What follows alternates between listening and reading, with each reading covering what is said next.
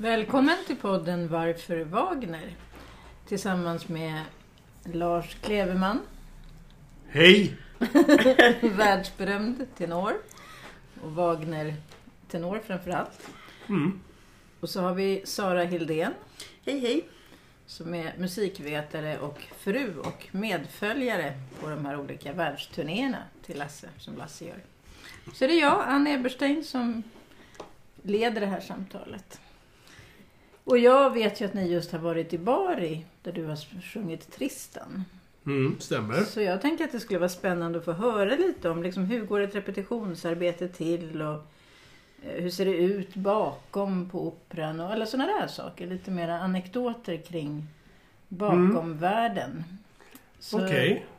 Jag tänker liksom om man börjar med hur börjar man med förberedelser liksom när du nu ska till Bari så här? Ja. Hur, hur länge innan börjar du repetera? Eller du kan ju redan den här rollen så du kanske inte behöver repetera alls eller? Nej, men alltså så här.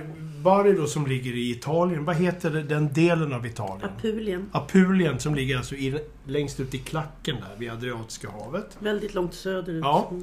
De har ett väldigt fint operahus där som är från 1890-talet. Eh, Teatro Petruzelli. Och eh, vi skulle börja repa där i mellandagarna innan nyår, alltså annandag jul, åkte vi dit.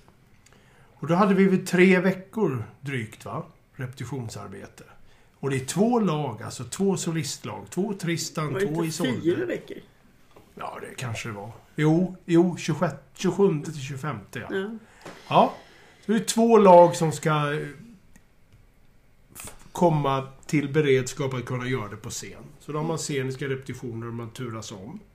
Ska jag säga också att anledningen till att de hade två lag var ju också att, eh, att föreställningarna sen, sista veckan låg väldigt tätt. Låg i princip liksom dagarna Varje efter dag. varandra. Ja. Så att varannan gång så var det då det ena laget och varannan gång så är det det andra laget. Ja. Och för att ingen skulle, varken en, det finns liksom inga Tristan eller Isoldor i världen som skulle kunna göra fem föreställningar på raken. Utan Nej.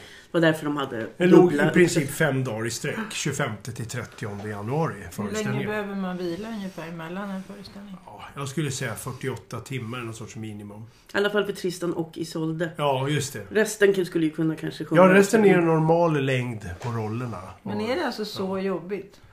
Ja, det, det är klart. Alltså så här enstaka. Om man, någon bara ber mig att komma och sjunga Tristan en gång och sen dagen efter, då kan jag göra det. Men när man dessutom har repeterat i en månad, sjungit sex dagar i veckan.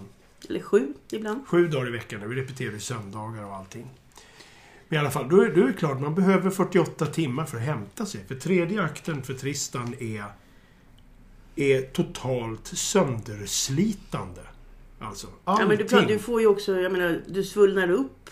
Ja, man svullnar upp och man torkar ur. Och man blir liksom helt... Helt förstörd. Ibland när jag ska massera dig efter så är du, du är så hård så att det är, små, liksom, det är som en bergvägg. Det går, finns liksom ingen ingång Mm. Just här runt halsen. Nej, men det är sant. de- Men om vi backar lite då till frågan här då. Så man ska Frågan var egentligen Ja. man, liksom, när du började repetera. Mm. Från början, den första frågan. Ja, just som det. Jag själv avbröt. Det var ju två lag som, som ska turas om. Och när man kommer till repetitionerna så ska alla kunna rollerna helt och hållet utan till. Det är grundförutsättningen för att det ska gå. Och hur lång tid tar det att lära sig den? Jag tänker, Ja. behöver du börja repetera? När jag lärde, jag har ju sjungit Tristan av och till under 22 år. Och när jag lärde mig den första gången så pluggade jag den dagligen i ett år. Och det var lite för lite. Så jag fick slita som ett djur. Alltså inför den första premiären när jag gjorde den på Musikteatern i Värmland. Nu gjorde du massa annat och under tiden jag ska vi säga. jag var ju Alltså, solist på Operan också. ja, så att du jag- sjöng ju tusen andra roller. Ja. Men att du ägnade Mm, varje dag också. en stund varje dag. Men jag menar nu när du har spelat den, eller sjungit den i 22 år, då behöver du inte göra någonting. Nej, jag värmde upp den lite grann i, i november. Jag gick till en pianist några gånger. Gick igenom den. För den är ju så knepig musikaliskt så man måste hela tiden kolla vad står det egentligen här? Vad betyder det? Det är så komplicerat. Ja, Så långt. och långt ja. Ja, det den är här- fem timmar. Han som också sjöng Tristan då, hade Mm. han också sjungit den i 22 år? Nej, det skulle vara hans rolldebut. Och vi var ju två lag och han ingick i premiärlaget och jag ingick i det andra laget. Varför ingick han i premiärlaget? Är han... Eh, det får du fråga ledningen på Teatro Petruzelli om. Mm. En av många frågor man skulle kunna ställa till dig. Men hur som helst, det var inget fel på honom. Men som många andra kan man säga att han hade underskattat vad det krävs att lära sig Tristan. I viss mån så hade hans agent sagt under coronapandemin här nu då. Att glöm den här produktionen, det kommer inte hända. För det blev ju uppskjutet flera gånger. Det skulle ju hänt egentligen mars 20, det här. Som vi gjorde nu då, i januari 22. Så att han hade börjat plugga för sent då. Så, men hur som helst, Alltså inte ett år hade han inte hållit på. nej, nej. År är ett minimum. År, sju dagar i veckan i ett år är ett absolut minimum. Därför att det är ungefär som att lära sig en roman utan till. Det är din egen text och musik. Sen ska du lära dig en roman till. Det är hur musiken är omkring det. Sen är det en tredje roman du ska kunna och det är vad alla omkring dig sjunger. Fattas någon av de delarna, då är du helt lost. Du är Men helt hur, men vilse. hur gick det för honom då? Om han inte hade repeterat så mycket? Det blev ju en situation som ledde till att de beslöt att jag skulle göra premiären istället för honom. Beslutet kom vansinnigt sent. Det kom efter mitt genrep. Vilket gjorde att jag inte fick de två dagars vila jag hade planerat för. Utan jag fick bara vila i 40 timmar sen på det igen. Så att jag var hela tiden lite lätt överansträngd när jag gjorde de här totalt fyra föreställningarna under en vecka. Genrep och tre föreställningar. För jag kunde inte planera för de berättade inte förrän efter mitt genrep att jag skulle ta över premiären som då bara var två dagar senare.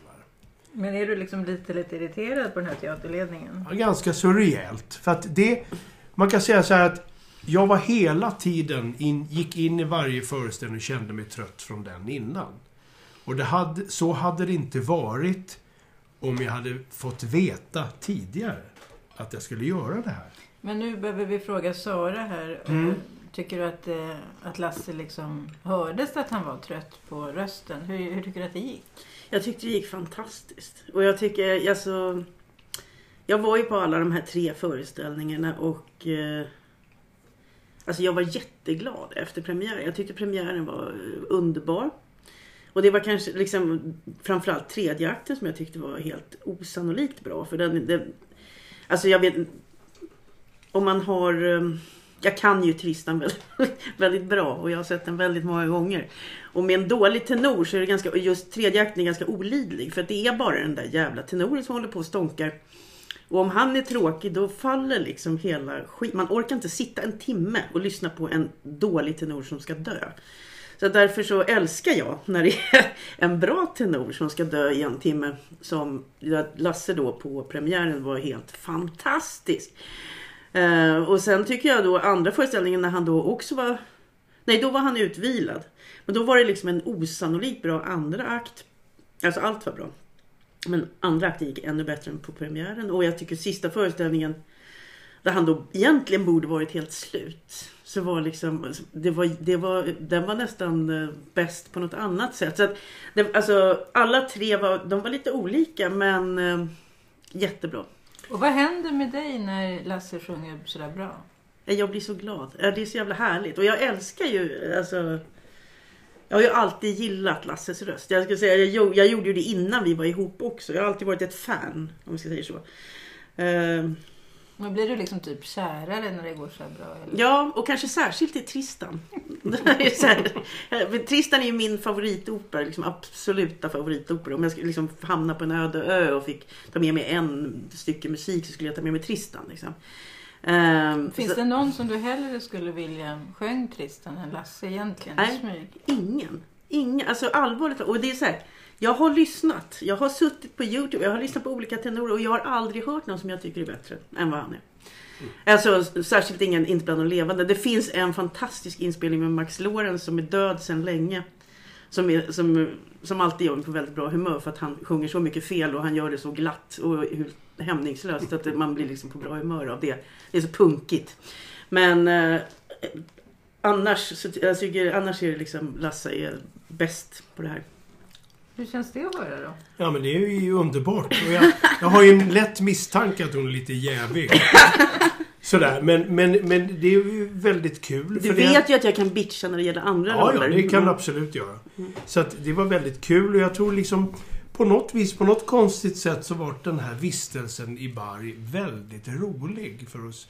Jag kan ju inte prata för dig, men jag tror även för dig. Ja, Vi hade det jättebra. Därför att de här repetitionerna ändå avlöpte. Det var kul, det var fint väder. Jag gillar det här italienska kaoset. Jag blir lugn när folk är som de är där. Och det var varmt och vi repeterade, bra stämning. Trevlig regissör, trevlig dirigent, trevliga kollegor, så. Så att trots allt vansinne eller och dålig planering som man verkligen kan prata om egentligen det här handlar om. Usel planering. Så var det en väldigt rolig upplevelse. Hur var Isolde då? Var det liksom, hur viktigt är det hur Isolde är när du ska spela? livsviktigt. Alltså då, i Tristan och Isolde... fram- Spelade du mot båda de här Isolde? Jag repeterade mot bägge. Men vad de gjorde som jag också vill ifrågasätta, när de bestämde då för sent att jag skulle ta premiären. Då säger de samtidigt, vi vill inte splittra lagen. Så att jag...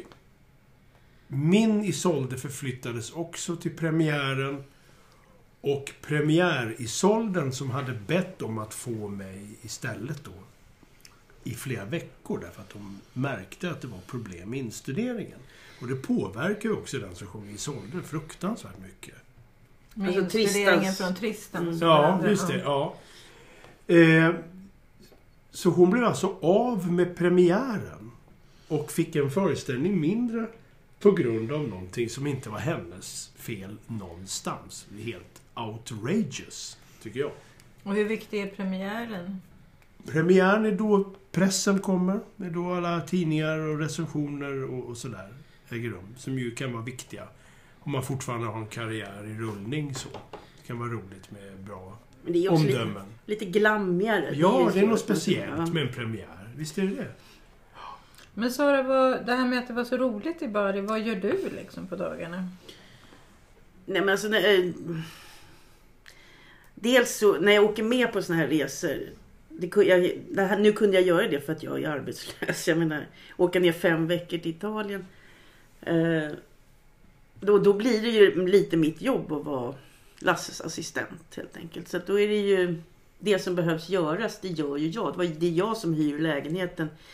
Det är jag som fixar maten. Det är jag som eh, letar efter trevliga saker att göra. Det är jag som... Covidpassen och sånt? Ja, och det är kanaler på tvn och det är wifi som ska fixas och det är handlas mat och tvättas kläder och det ska, alltså det är ju saker som och jag menar, han hinner ju inte göra någonting för här, här var det ju dessutom, alltså han, de repade ju alltså sju dagar i veckan. Jag har aldrig varit med om så mycket. Nej, det var, Ofta brukar, jag menar sex dagar är ganska normalt i Europa, men Mm. sju det dagar. var inga ledigheter Nej. överhuvudtaget. Så att eh, han var ju ofta ganska slut och hade ju inte någon som helst tid att leta efter någonting. Så att om man ska liksom hitta någon rolig utställning eller museum, då ligger ju det också på mig. Liksom. Så att, eh, och nu pratar inte jag italienska så att, eh, det försökte jag också lära mig lite. Mm. Och så att jag höll på. Jag kände mig väldigt sysselsatt kan jag säga. Ja, men du gjorde ju verkligen det med den äran. Och det, du, du, dessutom så var det ju så att den fritid vi hade var ju väldigt rolig. Vi bodde ju i en lägenhet precis vid Gamla stan. Mhm. Som är helt otrolig. Alltså det, det är så fint där. Ja.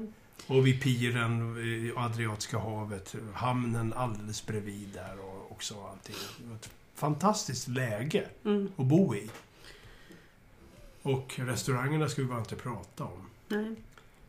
Och eh, så var det ju också lite, Sara, jag, skulle vilja, om jag får bryta in, att du berättar lite om resan dit. For your entertainment, om vi nu ska prata om den Nej, men, aspekten. ja, jag orkar nästan inte. Det var, det var kanske den värsta flygresa jag någonsin har gjort. Kan jag säga. Berätta. Du var sjuk först. Var jag sjuk först? Nej, men alltså dels var det det att vi upptäckte ju lite för sent kanske. Det kanske ligger på mig då för jag kanske borde ha kollat det lite bättre. Alltså om alla covidregler för Italien och sådär. Men du var förkyld typ fem Jag dagar var- innan ni skulle åka. Jag var förkyld innan Mm. vi skulle åka och, och vi behövde då ett negativt eh, test för att komma in i, komma in i landet. Som var färskt test, alltså förutom då covidpass. Alltså Ja. EU-pass då. Ja. Och vi behövde dessutom någon jävla blankett som man skulle fylla i på internet som var 40 sidor långt och helt hopplöst. Och, och det här färska testet var ju julhelg. Så att Ja, det var ju inte helt... annandag ja. jul vi letade och hittade ställen att göra testet på. Ja, och det Ja. var jättesvårt. Och det första stället där jag hade bokat tid, där det, de kunde inte leverera svaret innan vi skulle, innan vi skulle åka. Så att vi, jag fick liksom hitta något annat ställe och det var dyrt. Men, och jag trodde att jag skulle visa positivt eftersom jag, eftersom jag var förkyld. Men vi var negativa. Mm. Och vi kom till Arlanda två tim- mer än två timmar innan vi skulle åka. Och det var sådana köer så att vi skulle ha missat planet. På annandag jul. Ja. Om det- inte jag hade stått och skrikit Ja. och gnällt så mycket så att det till slut kom någon sån här anställd och lät oss gå före i kön. Och sen skulle vi ha... Sen fastnade vi då i säkerhetskontrollen för där var det också timslånga köer och där stod jag också och skrek tills vi fick gå före. Mm.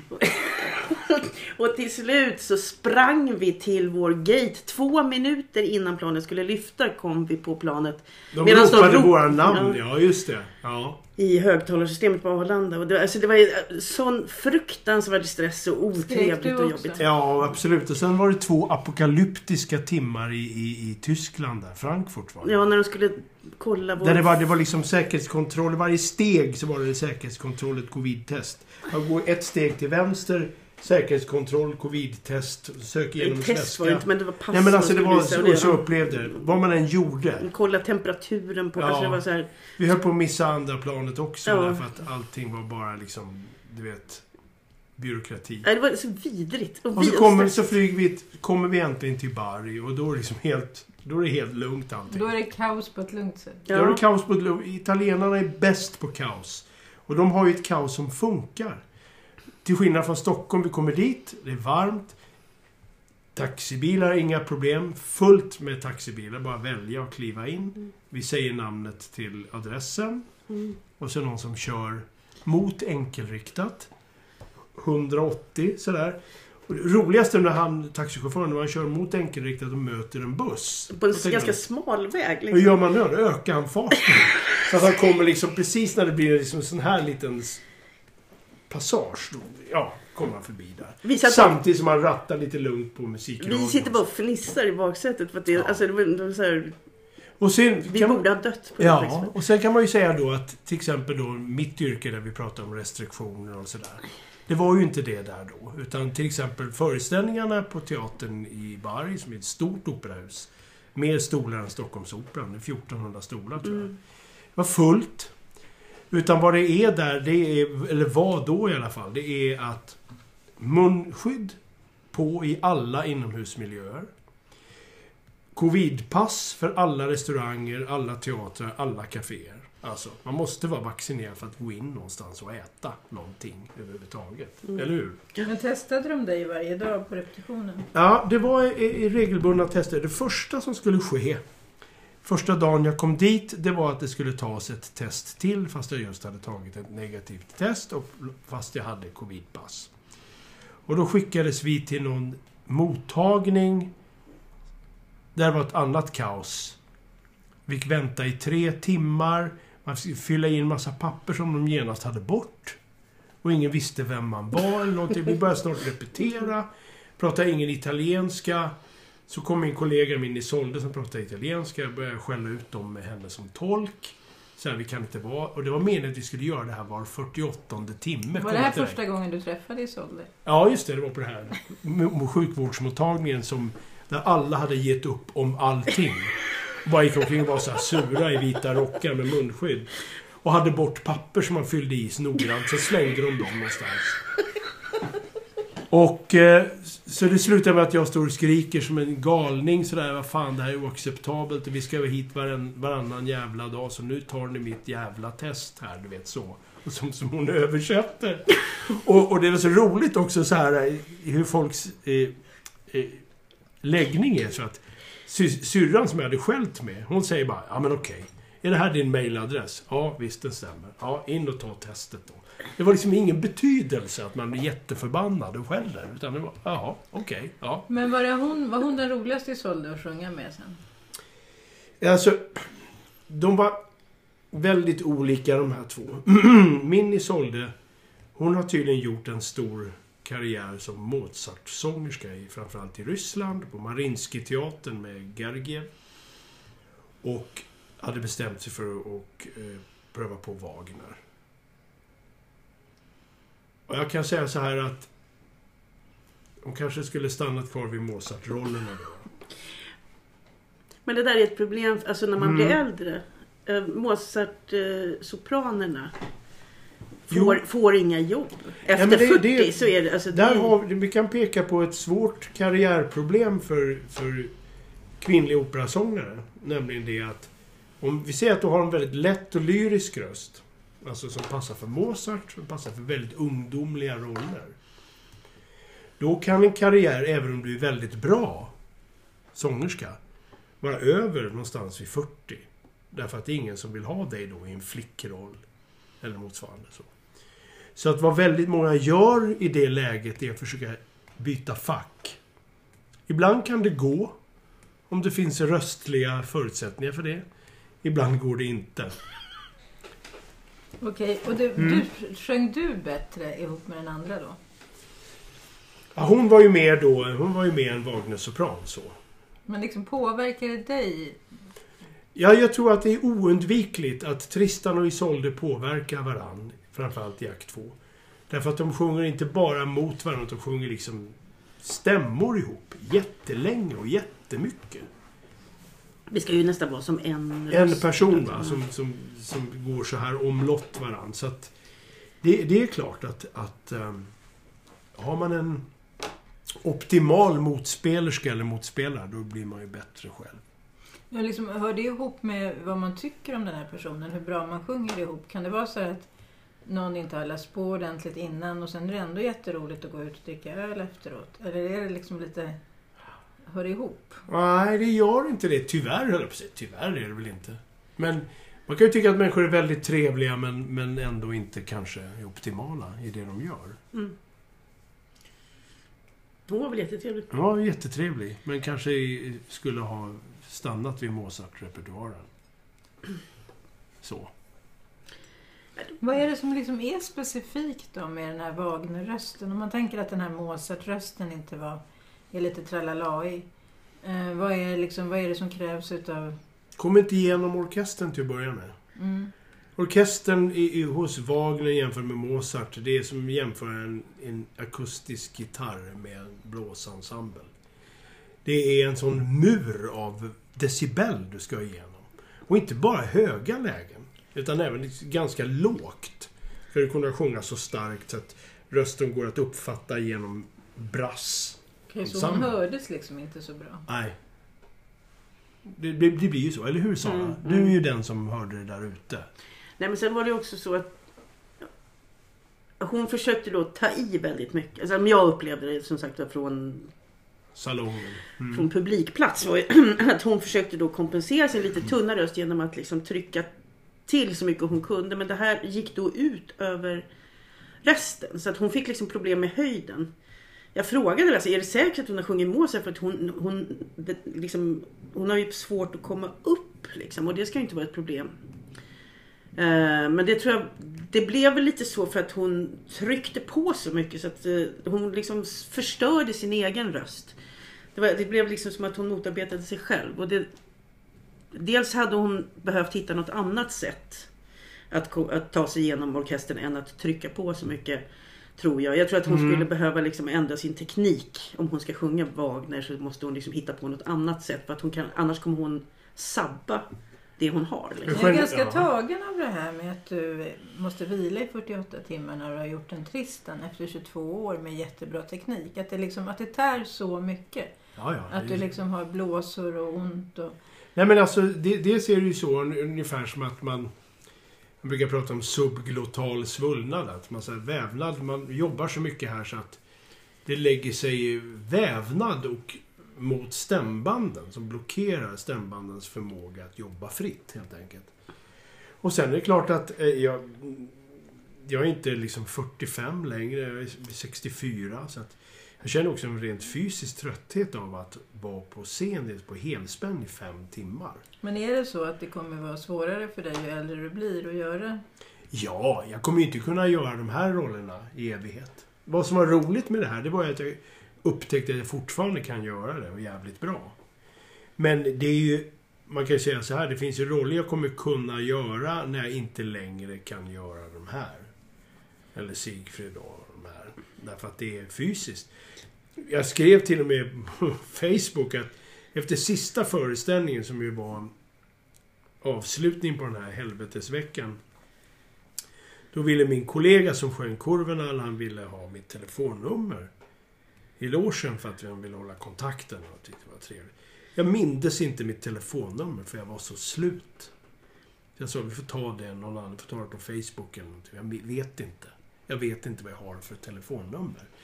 Alltså också mentalt att komma ihåg fem timmar musik.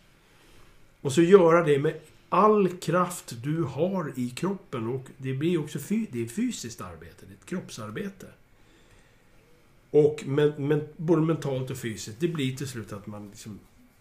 Man är helt väck efteråt. Och har du lärt dig väldigt mycket liksom var du ska hålla igen och var du ska ge Mm, allt? ja, det tror jag. Och det här var ett skolexempel på det eftersom jag aldrig fick komma riktigt optimalt i form till någon föreställning. Därför att de frågade mig för sent. Så var det ju väldigt mycket att jag har sjungit det så mycket så jag kan lösa allting på olika sätt. Eller hur? Eller hur upplevde du det? Mm. Men jag tror det var därför också som... Mm. det Jag tror det var därför det var, blev olika de, här tre föreställningarna som jag Mm. såg. Ja, Därför att du, du behövde lösa olika saker på, på olika sätt. Ja, ju det. tröttare du var och så vidare. Så, Ja, men just det, var, det. det är roligt. den sista föreställningen var ju parodiskt trött. Ja, men Ja. Där hade, då, då, fick du, då började du ju liksom twanga, eh, som du kallar Ja, det för. Då, twanga, när ja, du just det. komprimerar din luft för att den ska räcka längre. Och jag hör ju det där för jag känner dig. Ja, just det. Eh, och, och det blir ju som... Plötsligt låter du ju nästan bättre än vad du har gjort tidigare. Och jag vet att du gör det därför att du är trött. Ja, just det. Därför att då, gör, då fixar du till det här. Ja, men jag, liksom. jag, helt enkelt, jag stryper luftflödet. Alltså. Men vilket otroligt misslyckande att de som går, hör då att det är en underbar föreställning och läser det i tidningen. Sen kommer de och lyssnar på någon som inte kan rollen. Ja, Alltså, det- måste ju vara så konstigt att ha med det här turnerande och där har vi, där har vi egentligen... Vad du berör där, tycker jag, det är, det är huvudproblemet. Om någon missbedömer att lära sig läxan eller om någon kanske inte röstmässigt är lämpad. Alltså vad är det för människor som styr på såna här teatrar som inte kan Men jag kommer ihåg, från början räkna ut hur det ska bli? kommer du ihåg när vi var Ja. i New York? Du sjöng på Metropolitan. Ja, Vi var ute och drack eh, vin med ett gäng från Metropolitan-teatern. ja, Och bland annat den här helt underbara sufflösen. ja hon var ju fantastiskt bra. Du sa, ja. du sa att också hon var fantastiskt bra sufflös. Och det är, det där, att vara sufflös det är väldigt olika på olika i teatrar. Eller i Mm. olika länder kan man ju säga. Att här på Stockholmsoperan så har de väldigt bra sufflöser. Mm. Som inte bara kan, de, det är inte bara det att de läser texten utan de är ju utbildade i musik. De, de läser noter, de dirigerar. Dirigerar. De sjunger, de, Ja. vet, liksom, de vet precis allting. Och, det, och det, de på Metropolitan har samma tradition. Medan i Tyskland så kallar man in någon teatersufflös. Liksom, att, som bara ska läsa texten, som- vilket är helt meningslöst. Ja. Men, hon, men då när vi var ute med, med den här jätteduktiga sufflösen i New York och hon, ber, hon berättade om just en Tristan-föreställning. Där de hade haft en tenor som inte kunde någonting. En ganska berömd tenor kan man säga. Men han, han alltså saknade förmågan att lära sig Tristan-rollen helt och hållet utan till någonsin. Och gjorde den massor. Liksom, men han lärde sig sjöng det väldigt bra. Så att han hade en hörselsnäcka. Där han fick varenda, varenda replik och tonen.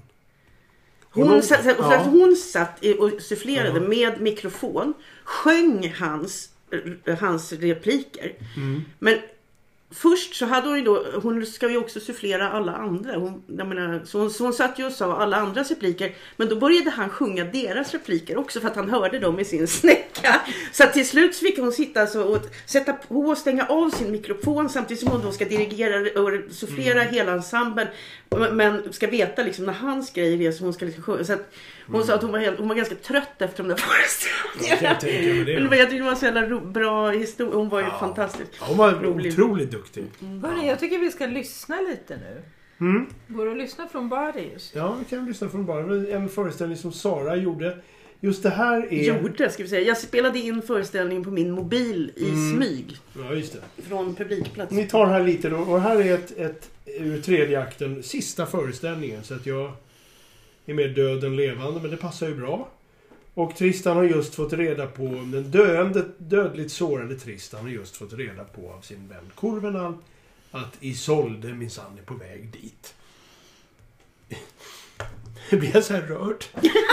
I, I ett skepp. Så han kommer få träffa henne innan han dör. Men, men stanna där vid det röda bara. Berätta vad det är som gör dig... Jo, men det... Ja. Nej, berätta, berätta, berätta. Vad är det som, som händer nu när du börjar gråta i det här? Han, har- han har väntat så länge. Alltså Tristan, har- han har legat där och varit död. Eller döende. Och han har, Dödligt sårad. ja, och han väntar och väntar på Isolde. Och han har tjatat om henne he- i liksom halva akten här nu. Att hon kommer, eh, hon kommer inte komma och det finns ingen mening med någonting. Och han, och han, ja, han vill ju bara dö men han kan inte dö för Isolde har inte... Han måste ju få se henne liksom. Så att när, när hon väl kommer så har både, både publiken och Tristan, alla har väntat så mycket på att hon äntligen, äntligen, äntligen ska dyka upp. Och sen är det också Korvenal. Nu har jag hämtat mig det. Som är Tristans Ja. bäste vän och väpnare. Har, gör allting, beredd att offra sitt liv, vilket han också gör för Tristans skull och för att eh, Tristan ska få träffa Isolde. Så att den döende Tristan som nästan inte kan stå upp här far upp och prisar sin vän Korvenal och säger du den trofastaste av alla vänner. Den som du älskar, den älskar... Den som jag älskar, den älskar du. Den som du hatar, den hatar du. Ja. Och som jag hatar. det jag lider, det, det lider du också. Men det här kan du inte lida.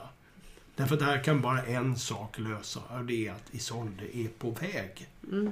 Ja, förlåt. vi ska lyssna på det här men Mm. innan vill jag bara säga att jag tycker det är helt underbart att du blir så här rörd. Att det liksom är så här viktigt efter 22 år, att det säger så mycket. Nu Ja, kan vi tack. lyssna. Jag, Jag tror att det krävs. Tack för gråten. Ja, vi tar lite här så får vi se hur det låter. Då kör jag då alltså.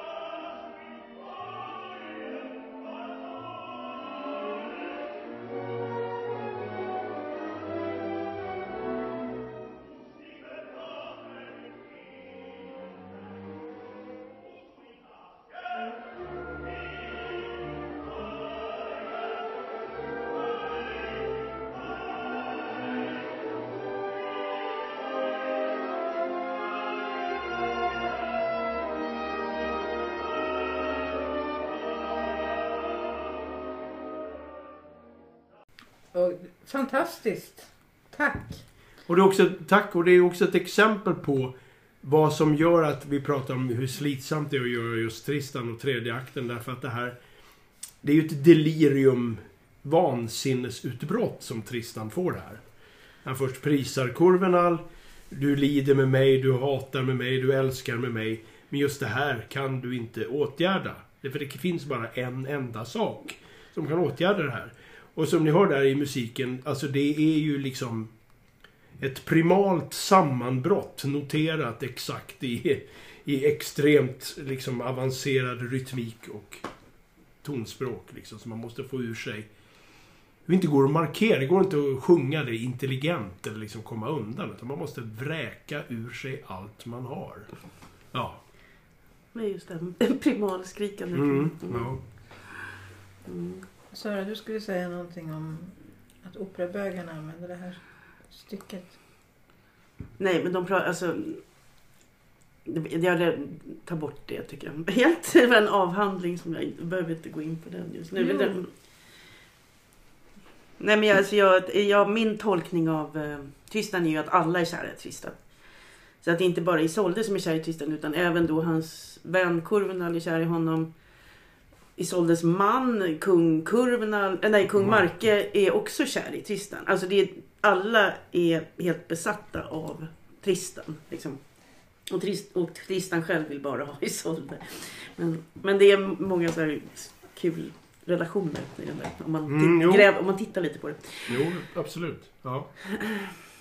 Ja, jag tänker att vi liksom avslutar för idag. Eller vill ni säga någonting? Är det något mer som känns viktigt att säga just nu? Nej, men vad jag skulle vilja säga det var att det var fruktansvärt roligt att än en gång få återvända till Tristan och Tristan och Isolde. Det är en stor, riktig produktion på en stor teater. Och återigen efter 22 år bli påmind om vilket otroligt fantastiskt verk det är. Det var vad jag kände. Nu ska du snart göra den igen i Kroatien. Så att Ja, du i får, maj ja. Du får inte bli av med Tristan ens. Nej, en, ett varv till åtminstone. Ja. Och det är, det är ju också att covid äntligen är slut så du har din framtid Ja, tillbaka. tack gode gud så är det, verkar det vara över. Och ehm, det var ju också varenda dag faktiskt i Italien. Vi tog ju tester varannan dag på teatern sen efter det där Mm. kaotiska testet. Och det var ju, vid ett tillfälle blev åtta pers i orkestern smittade. Och i Sverige då hade de bara stängt ner hela produktionen, men det gjorde de inte där. Men jag är så rörd över att du äntligen fick göra Tristan igen efter de här två åren. Mm. Det, var, det var tur. Det var ovisst. Var, varenda dag tänkte man, kommer vi komma till premiären? Det får vi se det. Och det gjorde vi. Ja, jag tyckte det var underbart. Alltså, Mm.